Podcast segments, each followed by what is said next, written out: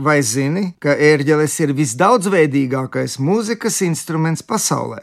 Lai kādu mūzikas instrumentu drīkstētu saukt par ērģelēm, tam ir jābūt stabulēm, kuras skan, kad tajās iepūš gaisu. Vismazākās ērģeles sauc par portatīvu. To novieto uz galda vai pat tur klēpī. Ar vienu roku mūziķis spiež taustiņus, ar otru roku darbina plēšus. Klaviatūras apjoms portatīvam reti, kad pārsniedz divas oktāvas. Jau lielākas ērģeles sauc par pozitīvu. Šis nosaukums cēlies no latīņu vārdā positus - novietots. Dažkārt gadās redzēt latviešu rakstām ērģeļu pozitīvs vai pat vēl aplamāk pozitīva ērģeles. Var jau saprast vēlmi izvairīties no vārda pozitīvs izpratnes nozīmē labs, tomēr tas norāda vien uz zemu valodas kultūru tad jau jālieto arī nosaukums flīģeļklavieres, jo vārds flīģelis arhitektūrā senāk tika lietots, lai apzīmētu ēkas izvirzījumu. Tātad pozitīvs ir samērā viegli pārvietojamas ērģeles, ar reti kad vairāk par 5 līdz 7 reģistriem, vienu manuāli, chromatisku stabuļu izvietojumu, ļoti kompaktu.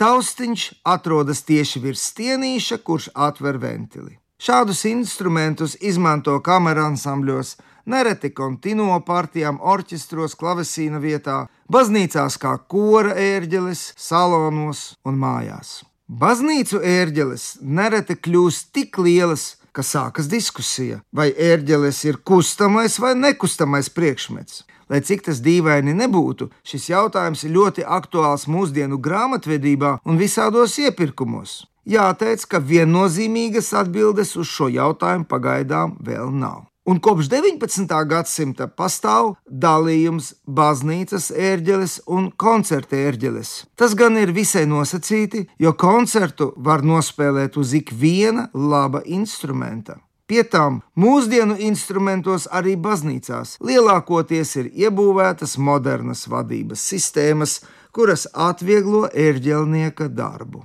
Kad sākās mēmā kino laikmets, lielajos, graznajos kinoteātros tika iebūvētas kino ērģeles. Šeit monopols piederēja amerikāņu firmai Wurlitzer, kuras izgatavotie instrumenti tika uzstādīti visā pasaulē. Wurlitzer ērģelēm bija jau elektropneimatiska traktūra, multipleksa sistēma. Tas nozīmē, ka vienu un to pašu stabuli izmantoja vairākos reģistros. Tas nekādā ziņā netraucēja muzicēt, jo šo instrumentu repertuārā bija kino un teātris mūzika. Erģelnieki galvenokārt improvizēja. Tajos bija visdažādākie skaņu efekti, kā pērkona dārdi, lapu čaboņa, vēja šalkšana un tā tālāk, lai ilustrētu mēmās filmas epizodes. Tomēr paradoxālā kārtā pasaules lielākās Wurlitzer ērģeles atrodas nevis teātrī, bet gan pizzerijā. Arizonā. Gluži tāpat kā pasaules lielākās ērģeles, kurām ir septiņi manuāļi, divas pedāļu klaviatūras, 450 reģistri un pāri par 30 tūkstošu stabulēm, atrodas nevis kādā gigantiskā koncertzālē, bet lielveikalā Filadelfijā. Nu, ko lai saka? Amerikāņi baznīcas, koncertzāles, kapličas, lielveikali un pizzerijas. Vai ir vēl kāda vieta, kur ērģeles nevar atrasties? Nē, nav gan. Ja ne citādi, tad tās var aizvest ar pajūgu vai auto uz jebkuru pagalmu, tirgus laukumu vai skvēru. Protams, es runāju par ielu ērģelēm, angļuiski street organ, pie mums sauktas par lejerkastēm. Varbūt kāds vēl atcerās ainu no filmas Vārnu ielas republika, kur pagalmā ienāca lejerkastnieks. Tās arī ir ērģeles, tikai tur taustiņus nospiež nevis meistarīga ērģelnieka pirksti, bet vienkāršā rullī iedzītas nagliņas, vai pneimatisko sistēmu darbina perforēta papīra lente. Esmu dzirdējis nostāstu, ka slavenākais Berlīnes lejerkastu būvētājs Giovanni Baģigalupo esot pārbaudījis savu instrumentu skanīgumu tādējādi, ka licis to spēlēt savam palīgam otrpus sprē upei. Ja visu varēja labi dzirdēt, instruments tika atzīts par labu esam un laists pārdošanā.